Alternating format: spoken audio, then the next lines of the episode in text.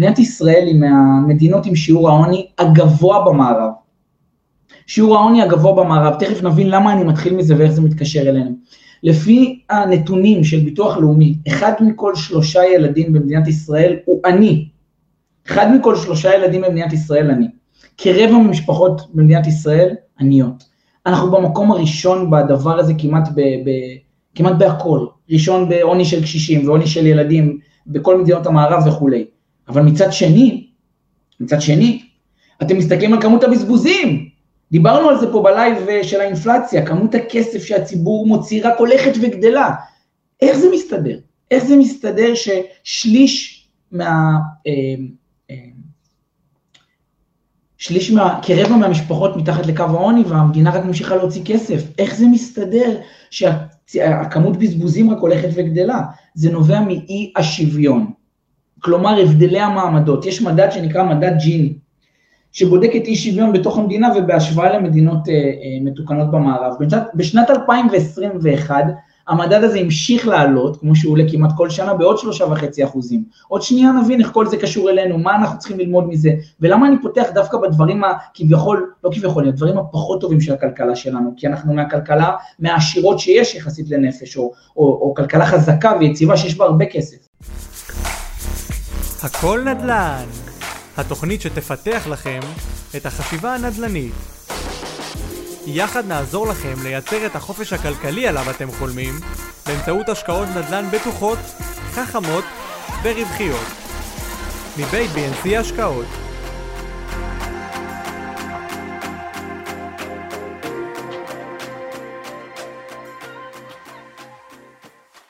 היום אני רוצה לדבר קצת על המקרו, קצת על המקרו, קצת על כלכלה, קצת על העבר, ומה אנחנו צריכים ללמוד מזה לעתיד, ובכלל, אני לא יודע אם יצא לכם, אני יודע שלי יצא לשמוע את סבתא שלי, אומרת לי הרבה פעמים, שמעתי אותה מדברת על הדור שלנו, שאנחנו דור של עצלנים, שגם להם היה קשה מאוד לקנות אה, נכסים, את הבית שלהם, סליחה, לא נכסים, והם עבדו מאוד מאוד קשה בשביל זה, ואנחנו מבזבזים המון, ו...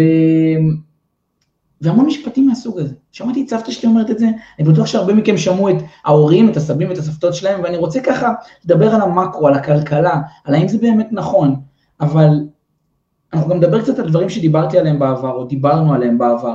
לפעמים צריך לשמוע משהו כמה פעמים כדי שהאסימון ייפול. לפעמים צריך שמשהו, אה, שנהיה מוכנים לקבל משהו. לפעמים כשאנחנו שומעים משהו, רואים סרט כמה פעמים, פתאום אנחנו מבינים דברים שלא הבנו בפעמים הקודמות. אז דיברנו על זה בעבר, אני חושב שזה סופר חשוב, סופר קריטי, שכולם יפנימו את זה, ואני רוצה להתחיל לפני הכל מכמה נתונים על הכלכלה שלנו, כמה דברים שאני חושב שכדאי שנכיר, כי אנחנו חיים פה ואנחנו חלק מהסטטיסטיקה, אנחנו צריכים לבחור באיזה צד של הסטטיסטיקה להיות, ואני רוצה להתחיל דווקא מהחלק הקשה של הכלכלה, דווקא ממה שאולי ככה אה, רוב האנשים לא רוצים לשמוע, לא רוצים להקשיב. מדינת ישראל היא מהמדינות עם שיעור העוני הגבוה במערב. שיעור העוני הגבוה במערב, תכף נבין למה אני מתחיל מזה ואיך זה מתקשר אלינו. לפי הנתונים של ביטוח לאומי, אחד מכל שלושה ילדים במדינת ישראל הוא עני. אחד מכל שלושה ילדים במדינת ישראל עני. כרבע ממשפחות במדינת ישראל עניות. אנחנו במקום הראשון בדבר הזה כמעט, ב, ב, כמעט בהכל. ראשון בעוני של קשישים ועוני של ילדים בכל מדינות המערב וכולי. אבל מצד שני, מצד שני, אתם מסתכלים על כמות הבזבוזים. דיברנו על זה פה בלייב אה, של האינפלציה, כמות הכסף שהציבור מוציא רק הולכת וגדלה. איך זה מסתדר?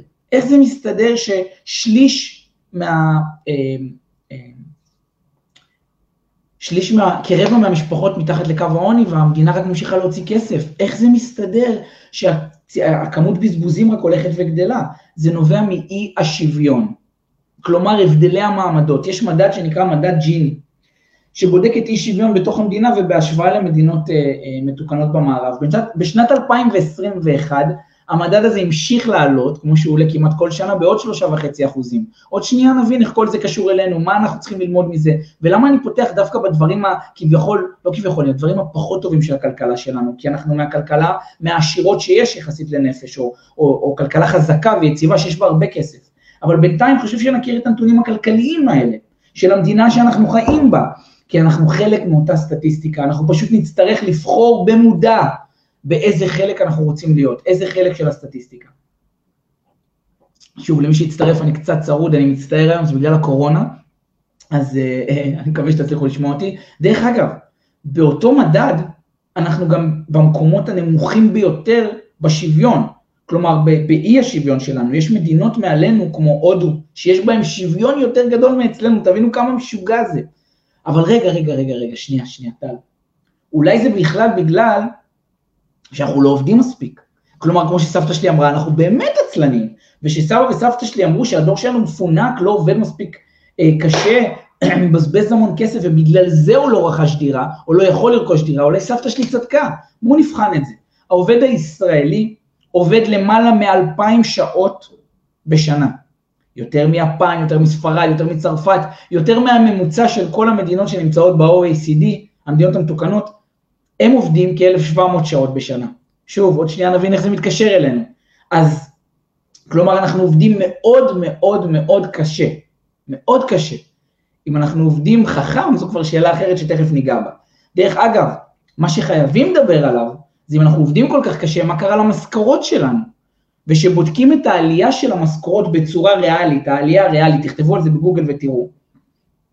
כלומר, מבטלים את העליות מחירים, את האינפלציה וכו', כמעט ולא הייתה עליית מחירים בשכר בעשר השנים האחרונות. תבינו את האבסורד, חברים, כל זה זה רק הקדמה. אנחנו עובדים הכי הרבה שעות, מרוויחים הכי מעט, ונמצאים במדינה שיש פה הפרשי מעמדות מהגבוהים בכל העולם המתוקן. סתם ככה שיהיה לכם עוד נתון לסיום הנתונים.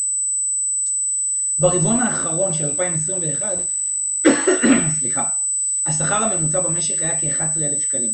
בהייטק הוא היה למעלה מ-27,000 שקלים.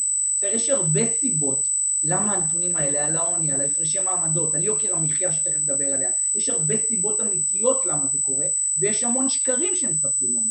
בסדר? המון שקרים שהוטמו לנו במחשבה, כמו זה שאנחנו מדינה קטנה שרק מוציאה... אה, כותבים לי שהמיקרופון עושה רעש מאוד מאוד חזק, אז תרשמו לי אם שומעים, שומעים אותי כמו שצריך. בסדר? אני מנסה רגע פה משהו אחר. בואו תגידו לי אם עכשיו זה יותר טוב.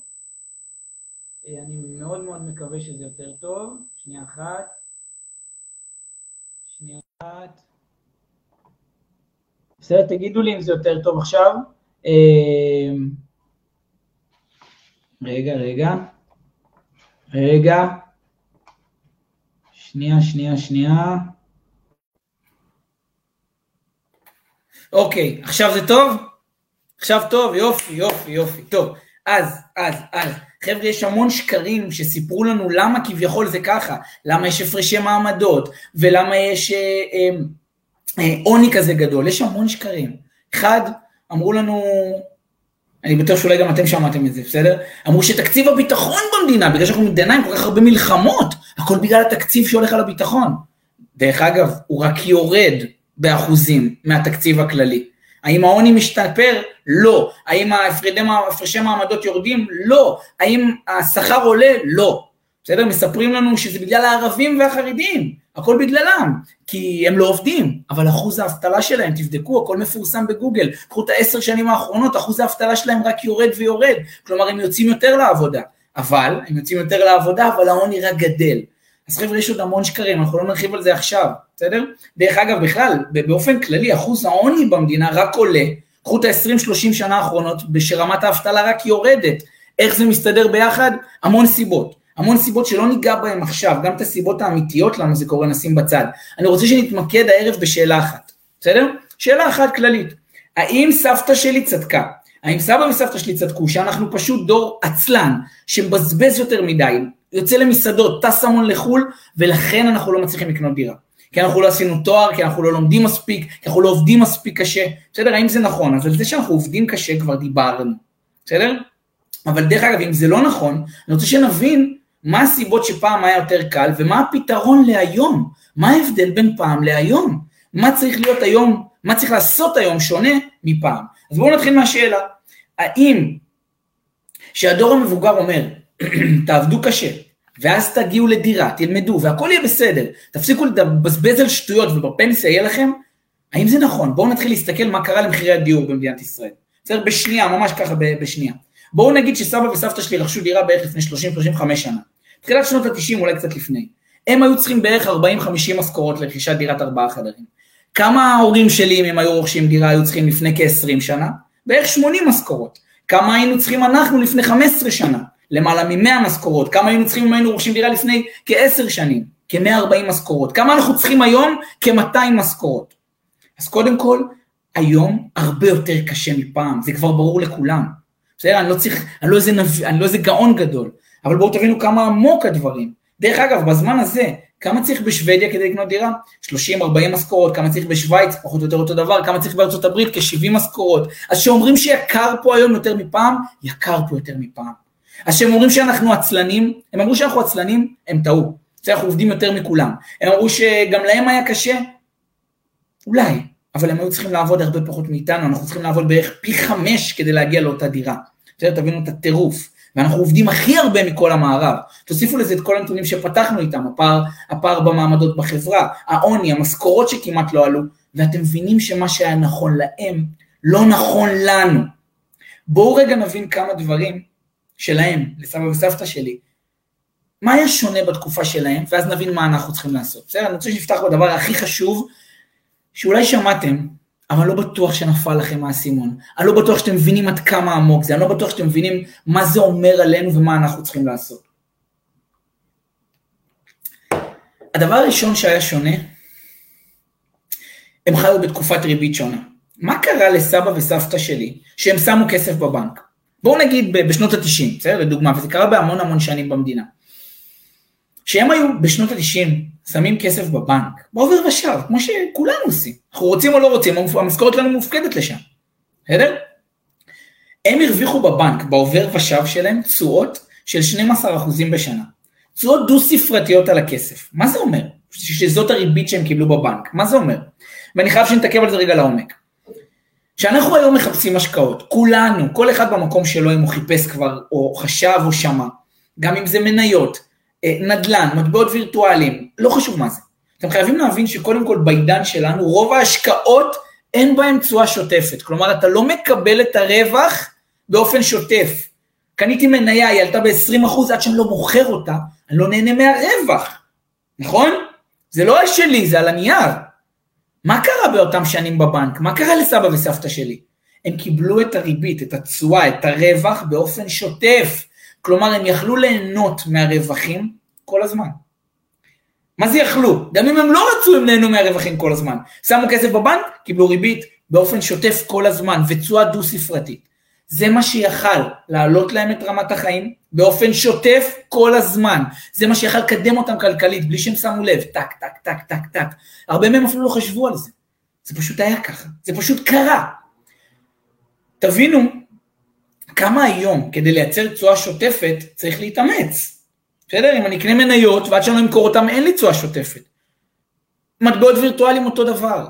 בסדר? אם זה לא עסק או משהו שמכניס כסף כל הזמן, אין בו תשואה שוטפת. בסדר? אם אני קונה דירה להשקעה למשל, השכירות היא תשואה שוטפת. אבל כדי שהיא תהיה משמעותית, שזה באמת יהיה משהו רלוונטי, צריך לעשות עסקאות מאוד מאוד מאוד טובות. אם לא, עם המשכנתה והמינוף שאנחנו לוקחים, אז התשואה השוטפת היא מאוד מינורית, בסדר? אז הדבר הראשון שהיה שונה, היא סביבת הריבית, וזה משפיע בצורה מטורפת. אנחנו לא יכולים להקשיב למה שהם אמרו ולא יכולים לעשות את הפעולות שהם עשו, כי זה, זה לא פייר, אנחנו לא משחקים באותו משחק, המשחק שלהם היה שונה לחלוטין, תפנימו את זה. הם היו משקיעים מבלי שהם היו צריכים בכלל לעשות כלום. הם השקיעו בהשקעה שהיא הגביע הקדוש של ההשקעות, תשואה דו-ספרתית עם תשואה שוטפת. אין אפשרות לעשות את זה היום דרך הבנק. להפך, היום אנחנו מפסידים כסף. אם נשחק בכללים שלהם, אנחנו מפסידים כסף. אם אנחנו נשים כסף בעובר ושב, אנחנו מפסידים כסף. מקם, פקם, אנחנו מפסידים כסף. הם הרוויחו. בסדר? אתם חייבים להבין את זה. אני מצטער שאני ככה מתעכב על זה הרבה. הסביבת ריבית שלהם הייתה מטורפת. תשואות דו-ספרתיות, ריבית בבנק. שואלים אותי על מה, על מה היה להם תשואה דו-ספרתית? על לשים את הכסף בבנק. תכתבו עכשיו בגוגל, השאלות האלה זה מה שמראה לי כמה אנשים לא מצליחים להבין את ההבדל בין פעם להיום. תכתבו בגוגל ריבית במדינת ישראל, תראו לפי שנים מה הייתה הריבית במשק. כשהם שמו כסף בבנק, הם הרוויחו כסף. בחלק מהשנים, שישה, שבעה, שמונה, לא משנה על מה, לא משנה כמה. בסדר? וזו תשואה שוטפת. הדבר השני שהיה שונה, זה יציבות העבודה. תשאלו את הסבים והסבתות שלכם, כמה פעמים במהלך הקריירה הם החליפו עבודות, בסדר? ואחרי זה תסתכלו על עצמכם. אנחנו חיים בעידן שונה, העידן שבו אנשים מחליפים עבודות כמעט כמו בגדים, בסדר? הם מחליפים קריירות, קריירות פעמיים שלוש במהלך החיים שלהם. זה מטורף. אני לא נכנס לזה אם זה טוב או לא טוב, אני לא נכנס אם זה בסדר או לא בסדר, אבל ההשפעות של זה על תקופות ארוכות, בסדר? על פני אורך חיי העבודה, זה השפעות מאוד גדולות. בסדר? קורה מספר פעמים במהלך חיי העובד, שהרבה פעמים הוא בין עבודות. בין עבודות, חודשים שלמים שבהם הוא לא עובד. אנחנו מחליפים הרבה עבודות, זה נותן לנו חוסר יציבות במקומות העבודה, זה עידן שמסוכן להסתמך בו רק על מקור הכנסה אחד. והקורונה רק חידדה את זה, רק העצימה את זה, רק העלתה על פני השטח את מה שכבר הרבה זמן הרבה מאוד אנשים יודעים. אז הדבר הראשון היה סביבות הריבית, שזה משהו שאתם חייבים שיפול לכם מהסימון. הדבר השני, יציבות העבודה. הדבר השלישי, ותכף אנחנו מגיעים אלינו, עוד שנייה, עוד שנייה מה אנחנו צריכים לעשות. הדבר השלישי ששונה, זה הפנסיות. בסדר, אבל זה אני אדלג מאוד, מאוד במהרה, גם יושבים הרבה אנשים, אולי חבר'ה צעירים, ששומעים ואומרים, מה אני קשור לפנסיה, עזוב אותי. עכשיו חבר'ה, החיים עוברים ככה. אני עוד שנייה בן 33, התחלתי את אה, דרכי בעולם הנדל"ן בגיל 21, אתם לא מאמינים איך הזמן הזה עבר מהר. אתם לא מאמינים. אה, זה, זה מטורף. בסדר, מה שאמה נולדה, בתי הבכורה, עברו ארבע שנים, אני, אני, אני עדיין בשוק מזה. הדבר השלישי זה הפנסיות. פעם היה באמת אפשר להסתמך על הפנסיות שלנו. היה אפשר להסתמך שיום אחד יהיה לנו פנסיה שמכבדת את עצמה. היו פנסיות תקציביות לעומת הפנסיה הנוכחית שהיא פנסיה צוברת. בסדר? לא נתעכב על זה. בכל מקרה, המסקנה היא שהיום אי אפשר להסתמך על הפנסיה, ולא זה מה שיביא אותנו לחיות בכבוד אחרי שנות העבודה שלנו. אז מה עושים? מה עושים? את הבעיה אנחנו מבינים. אנחנו עובדים הרבה יותר קשה, ומרוויחים כמעט אותו דבר. אנחנו, נמצא, אנחנו נמצאים בחברה שיש בה פערי מעמדות מהגבוהים בעולם. תוסיפו לזה את זה, את זה שאנחנו לא יכולים להסתמך על מה שלימדו אותנו בבית ספר, בילדות, בהורים שלנו, הסבים והסבתות שלנו.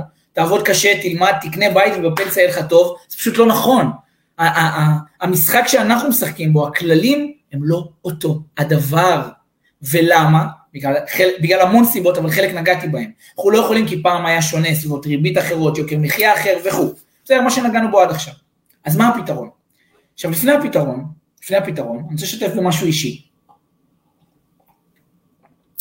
חלקכם שמעתם אותו, אבל בילדות, בילדות, היה לי את היכולת לחוות על בשרי את מה שהספר אבא עשיר אבא אני מדבר עליו. חוויתי את התקופה שבה שמעתי, הרגשתי את האבא העני שלי, ההורים שלי התגרשו, בערב אחד עברנו לגור אצל סבא וסבתא שלי, שש שנים אני ושני אחים שלי באותו חדר. מה חוויתי באותן שנים? מה ראיתי? מה שמעתי? סבא וסבתא שלי עובדים מאוד מאוד קשה. הם גרו בבית שלהם, הם קנו אותו, והם חוו תקופות בלתי נסבלות כדי לממן את הבית ואת החיים שלהם. בסדר? כמו תקופות שאני זוכר שהם נאלצו למכור, אה, נאלצו למכור חלק מהריהוט שהיה להם בבית. זה דברים אמיתיים, ראיתי את זה, חוויתי את זה, כדי לממן את ההוצאות שלהם. מה האמונות שלהם היו? מה המחשבות שלהם? מה שמעתי מהם? אני מניח שגם אתם שמעתם את זה.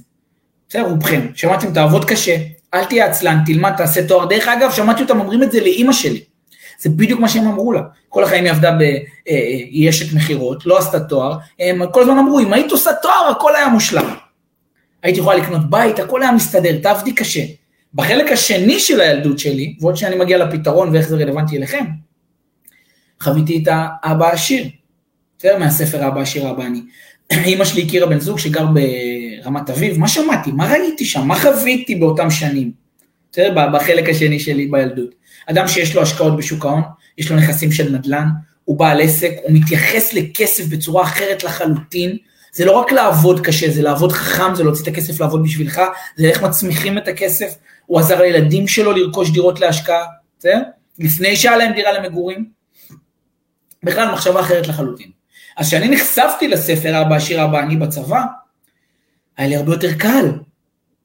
היה לי הרבה יותר קל להכיל את זה, להבין את זה, פתאום זה נפל לי האסימונים על ההבדל בין התחייבות לנכסים, כי חוויתי את זה בילדות, ראיתי את זה. אז אני מבין שלהרבה אנשים זה קשה. קשה להבין למה הפעם היה אחרת וכללי המשחק שונים. קשה להבין איך לחיות את החיים אחרת. אני מבין שזה קצת, אה, לפעמים נשמע רחוק ממכם, ובגלל זה אני נוגע בזה כל כך הרבה פעמים. דרך אגב, זה גם בדיוק הפתרון. זה גם בדיוק הפתרון. אבא עשיר, לחיות כמו שהספר מסביר, או זה הבסיס לפחות, זה המינימלי. קשה, בוודאי, אבל קשה גם בדרך השנייה. גם שם קשה, בלחיות כמו כולם. בדרך הזאת לפחות מתישהו זה נהיה יותר קל. מבינים מה האופק, מבינים לאיפה הולכים. אז אני רוצה שנתחיל להבין כמה דברים מרכזיים. בסדר? אותם דברים שקודם כל אנחנו חייבים לשנות בתפיסות שלנו, במחשבות שלנו, באמונות שלנו. חייבים. כי אנחנו מבינים שמה שעבד פעם לא עובד היום. סבתא שלי לא צדקה, אני לא עצלן, אנחנו לא עצלנים, אנחנו עובדים הרבה יותר קשה, אנחנו פשוט ביוקר מחיה הרבה יותר גדול ובחיים אחרים, בסדר? אז מה אנחנו צריכים לשנות בתפיסות שלנו? כבר היום לחזור על זה שוב ושוב ושוב, בניגוד למה שעבד בדור הקודם. אנחנו חייבים א', להבין, ואני מתחיל להגיע פה תכף לפתרון, קודם כל זה שינוי התפיסות. אנחנו חייבים להבין שאנחנו חייבים לייצר את אותן ריביות שסבתא שלי הרוויחה בבנק, בלי הבנק, בסדר? ואם אפשר גם לייצר תשואה שוטפת שתעלה לנו את רמת החיים. אני חייב את הריביות שלה, אבל הבנק לא נותן לי, אני צריך פתרון אחר. זאת, זה הדבר הראשון שחייבים להבין. הם הצליחו יותר כלכלית, נקודה, בזכות זה שהיה להם תשואה, היה להם ריבית, ויוקר מחיה הרבה יותר נמוך.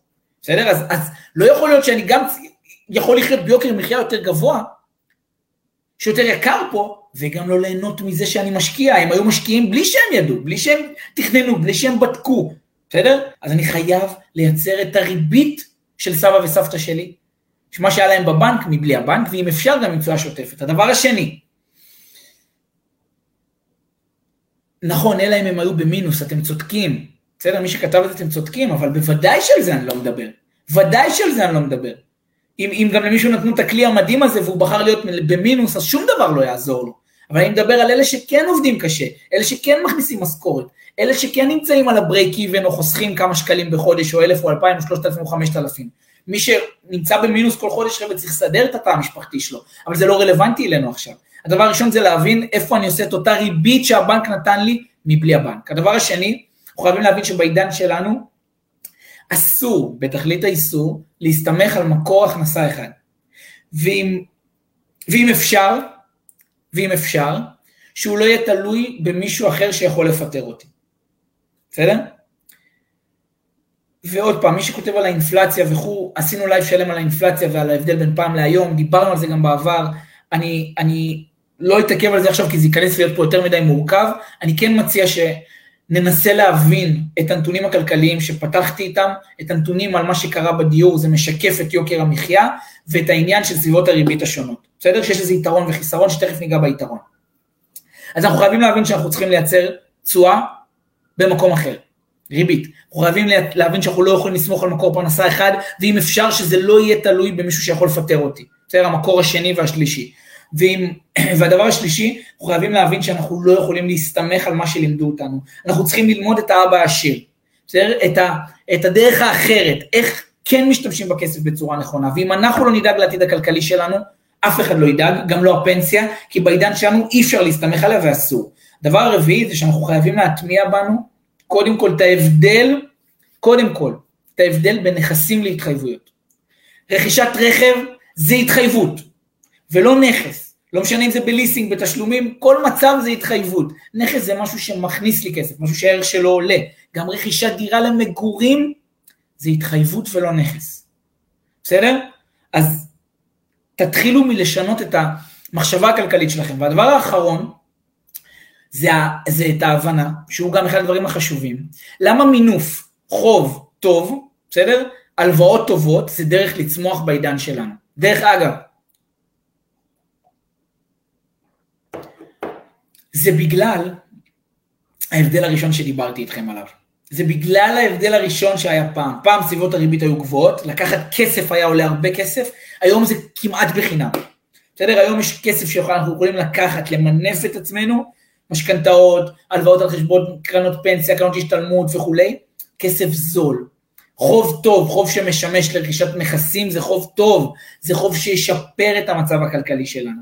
סבא וסבתא שלי היה להם יקר מאוד לקחת כסף, יקר מאוד. בעידן שלנו כסף ששוכב בעובר ושב אנחנו מפסידים עליו, כסף שנותנים לנו לקחת אותו בזול ואנחנו לא לוקחים, אנחנו מפסידים. אוקיי, אז אלה שינוי התפיסות, שינוי המחשבות, זה חלק מהפתרון. בואו ניגע בעוד איזה כמה פעולות אולי, פעולות שאתם צריכים לעשות. פעולות שאתם צריכים לעשות בעידן שלנו שפעם לא היו חייבים לעשות. אחד, פעולה ראשונה, לדאוג להוציא את הכסף לעבוד בשבילכם. בואו נחלק את זה לשלושה סוגי אנשים. פעולה ראשונה, לדאוג להוציא את הכסף, לעבוד בשבילכם. בואו נחלק את זה לשלושה סוגי אנשים. הסוג הראשון, אותם אנשים שיש להם כסף בעובר ושב, במקם, פקם, לא חשוב איפה זה, כסף שלא מרוויח כסף. אתם חייבים להוציא את הכסף לעבוד כמה שיותר מהר. כמה שיותר מהר. נדל"ן, מניות, מה שאתם רוצים, חבר'ה, מה שאתם רוצים. זה לא משנה, אתם יודעים שאנחנו משוחדים על נדל"ן, אתם יודעים שאנחנו מאמינים ביציבות, אנחנו רוצים את היתרונות של המינוף, את הבטוחה הנדל"נית, אתם מבינים את זה, בסדר? זה ברור. תוציאו את הכסף לעבוד בשבילכם. אוקיי? אתם לא רוצים לקחת מינוף, אתם רוצים אה, אה, להיות שותפים איתנו? בואו נעשה השקעה קבוצתית. זה מה שאנחנו עושים בארצות הברית. אתם רוצים נכס לעצמכם? נלווה אתכם לקנות דירה להשקעה, מה שאתם רוצים. תוציאו את הכסף לעבוד. כשהוא שוכב בעובר ושב אתם מפסידים כסף. אתם לא מבינים כמה אתם מפסידים בטווח הארוך, כי אין נוסחאות קסם. ריבית דריבית, השקעות, זמן וכסף הולכים מדהים ביחד.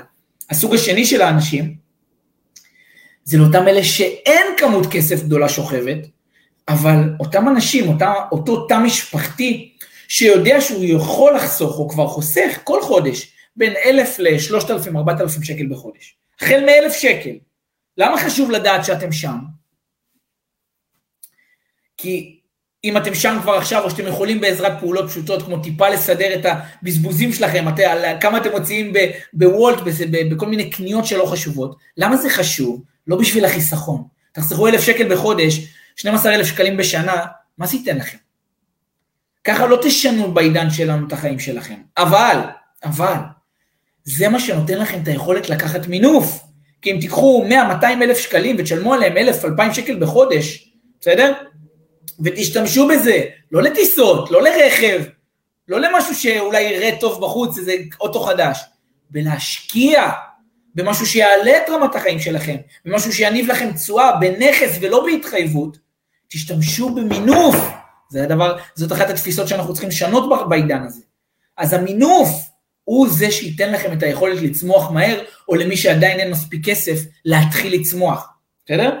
והסוג השלישי, זה אלה שכתבתם לי פה, כמו על סבים וסבתות שלנו, אלה שהיו במינוס. או, או, או כל חודש גם נכנסים למינוס יותר גדול. נכון, הם צודקים. אלו שאין להם כסף והם במינוס כל חודש, צריכים לסדר את התהליך, את התא המשפחתי שלהם. דרך אגב, דיברנו גם על זה פה בעבר. קודם כל לסגור את המינוס, להגיע למצב שהם break even, להגיע למצב שיש להם אלף שקל בחודש חיסכון, בום, להשתמש במינוף ולצאת להשקעות. בסדר? אז זאת הפעולה הראשונה. הפעולה השנייה שאתם צריכים לעשות,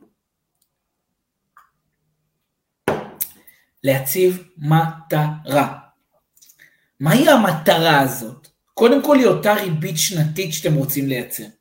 אותה ריבית שסבא וסבתא שלי יכלו ליהנות מהבנק, אני רוצה לדעת שזאת המטרה שלי. אתם יודעים שאנחנו מדברים על צועדות ספרתיות, זה לא משנה אם זה 10% בשנה, 15%, עשינו פה אתגרים, לייבים, הראינו לכם case study של משקיעים. מטרה, שימו מטרה מול העיניים. אוקיי, אתם יוצאים להשקעה, תשואה דו-ספרתית, בסדר? הפעולה השלישית היא להבין את האלטרנטיבות. בסדר, שני האפיקים הכי נפוצים, וככה נדבר על זה ממש בעוד דקה, ואז נעשה איזשהו סיכום. שני האפיקים הכי נפוצים הם נדל"ן ושוק ההון. ולא, זה לא קשה לעשות בהם עשרה אחוז בשנה בממוצע בטווח הארוך. בסדר, גם אם תיקחו את שוק ההון, אחד המדדים הכי נפוצים, ה-S&P אה, אה, 500 בארצות הברית, תסתכלו בממוצע על התשואה שלו, לא שאתם לוקחים שנה, בסדר, שאתם לוקחים 15, 20, 30 שנה, אתם תראו שברוב הזמן הוא בממוצע, ש... בממוצע מעל 10%. מה הבעיה? שכדי ליהנות מזה, אסור לך למשוך את הכסף, ורק אחרי 15, 20, 30 שנה, יהיה לך ממנו סכום משמעותי, תלוי כמה התחלת.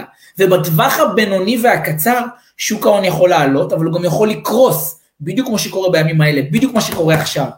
ואז לא כולם בנויים לזה. ולפעמים אנשים מקבלים החלטות גרועות, יש ירידות והם פתאום, כל מה שמוחקים את התיקים שלהם, בסדר? אז לא כולם בנויים לשוק ההון וזה לא מתאים לכולם. בנוסף, בשוק ההון אין את היכולת ליהנות ממינוף, מה שמעלה את התשואה להון העצמי, מה שמקצר תהליכים, מה שמביא אתכם לתשואות דו-ספרתיות, ולהגיע יותר מהר לכסף, לרווחים, בסדר? באופן כללי לא כל אחד בנוי לעליות ולירידות של שוק ההון, ורוב האנשים מעדיפים את היציבות, ושוב, אנחנו משוחדים. האפיק השני הוא נדל"ן, מה שטוב בו, שיש פתרון כמעט לכולם. עם הון עצמי נמוך, 150 אלף שקלים, יש לנו פתרון. אם uh, זו דירתכם היחידה, מצוין, עדיף לכם בארץ. יש לכם כבר דירות, אין לכם הון גבוה, אתם לא יכולים לקחת משכנתה או לא רוצים, יופי, השקעות קבוצתיות מעבר לים. יש פתרון לכל כך הרבה אנשים. ומי שמכיר אותנו כבר הרבה זמן, יודע, יודע, יודע,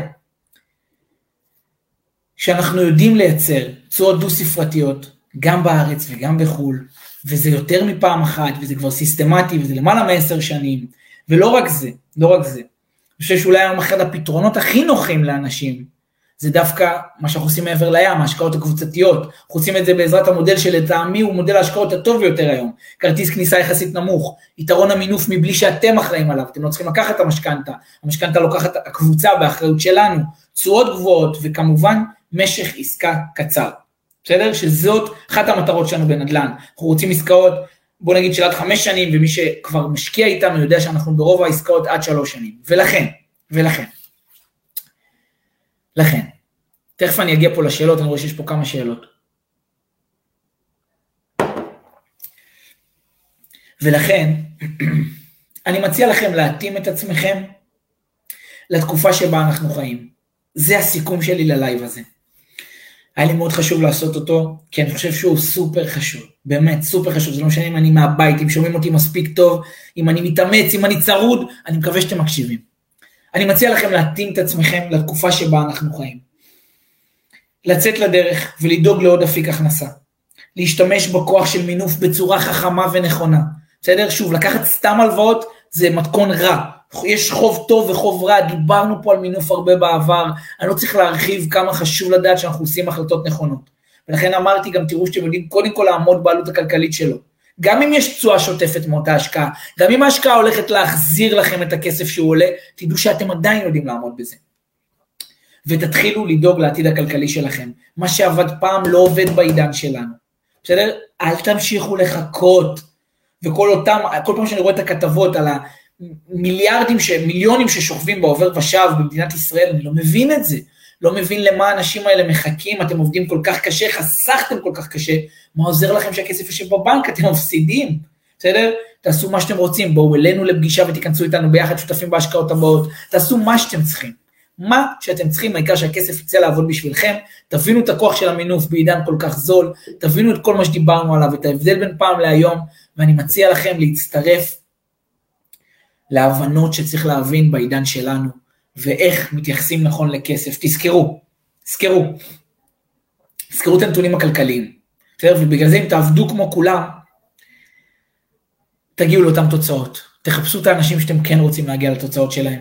תזכרו עם מה פתחנו, ישראל היא מדינה עשירה, בסדר? ביחס לגודל. אבל יש בה את שיעור העוני הגבוה, מ... לצערי, גבוה ביותר, בסדר? גבוה ממדינות המערב.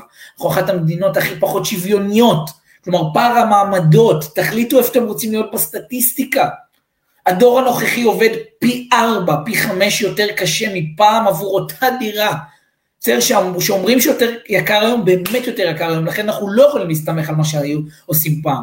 בסדר? שלושת הדברים שאנחנו חייבים לעשות, לדאוג להשקיע, בסדר? במקום הריבית שהייתה פעם בבנק, להבין את יתרון המינוף ולדעת איך לקחת אותו בצורה חכמה, ולא להסתמך על מקור הכנסה אחד בעידן שלנו, ובטח לא על הפנסיה.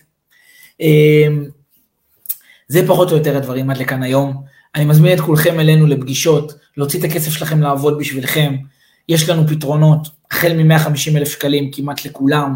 אה, אנחנו יכולים לעזור להבין אם מתאים לכם לקחת מינוף או לא, ובכל מקרה, תדאגו שהכסף יצא לעבוד בשבילכם. אה, שאלתם אותי פה תוך כדי הלייב כמה שאלות, כמה צריך כדי להיכנס איתכם להשקעה, אז עניתי על זה, החל מ-150 אלף שקלים.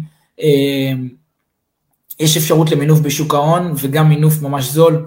אני לא יודע מה הכוונה שלך, יש אופציות למינוף, אתה יכול לקחת גם הלוואה מהבנק, תשתמש בכסף למה שאתה רוצה, בסדר? אם זה מבחינתך מינוף זול לשוק ההון, אחלה, בסדר? אבל שיש ירידות כמו הימים האלה, שיש קריסות כמו שקרתה בתחילת הקורונה. בכלל, חוס... הסיכון, סיכון מודדים בתנודתיות. תפתח מחקרים ותבדוק מה יותר מסוכן, מה יותר תנודתי, שוק ההון או נדל"ן, וכל אחד שיעשה את הבחירות שלו. ואני מציע בכלל להבין את ההבדל המשמעותי. אם למישהו יש 100 אלף שקלים, בסדר, והוא משקיע אותם בשוק ההון והוא עשה עליהם 10 אחוזי תשואה, אז הוא עשה 10 אחוזי תשואה על אותם 100 אלף שקלים. אבל אם מישהו עם 100 אלף שקלים רכש דירה, סתם בשביל הדוגמה, עזבו את המספרים, בסדר? ב-400, ב-500 אלף שקלים, והוא עושה עליה רק 8 אחוזי תשואה, סתם כדוגמה, אז הוא עושה את זה על כל אותם 400 אלף שקלים. על ה-100 אלף שקל הון עצמי, הוא עושה תשואה הרבה יותר גבוהה מ-10% בניכוי העלות של המינוף. ולכן בכלל יש יתרונות כל כך גדולים בנדל"ן משוק ההון, בסדר שעל זה לא נרחיב הערב. אמ, אבל, אבל, באמת, שזה לא משנה, העיקר תוציאו את הכסף לעבוד בשבילכם, אבל מי שעושה את זה בשוק ההון, שידע לחיות עם העליות והירידות, שיהיה חכם, שיבין מה הוא עושה. ועניתי גם על האפשרות של המינוף, עניתי גם על, ה, על, ה, על העניין של המינוף, שזה יכול להיות מסוכן לחלק מהאנשים, ודאי מי שכתב את זה צודק ב-100%. שוב, קודם כל תבינו שאתם רוצים לקחת חוב טוב, חוב למטרת נכסים ולא חוב רע, תבינו שאתם יודעים. לממן אותו, גם על זה דיברנו פה בעבר, אני לא יכול להרחיב הכל, גם על האינפלציה שכתבתם דיברנו. אמ, זהו חברים, אז אנחנו ניפגש פה ביום שלישי, שבוע הבא, בשמונה וחצי. אם יש לכם עוד שאלות, תשאלו, אני אשתדל לענות במהלך השבוע אה, בכתב. ולכל מי ששומע בפודקאסט, באינסטגרם, לא משנה איפה חבר'ה, אנחנו כל הזמן ממשיכים לשדר לכם, אתם יכולים גם לשלוח לנו על מה אתם רוצים שנדבר, ושוב, אני מזמין אתכם להתאים את עצמכם מחשבתית לתקופה הנוכחית, כדי לא להישאר מאחור חברים. תודה רבה, לילה טוב לכולם. נהנתם? תוכלו לשמוע את כל הפרקים בספוטיפיי, Apple Music ו Google Podcast. אל תשכחו לעשות לנו לייק בפייסבוק, BNC יזמות והשקעות נדל"ן, ובאינסטגרם, BNC קו תחתון investments. להתראות בפרק הבא.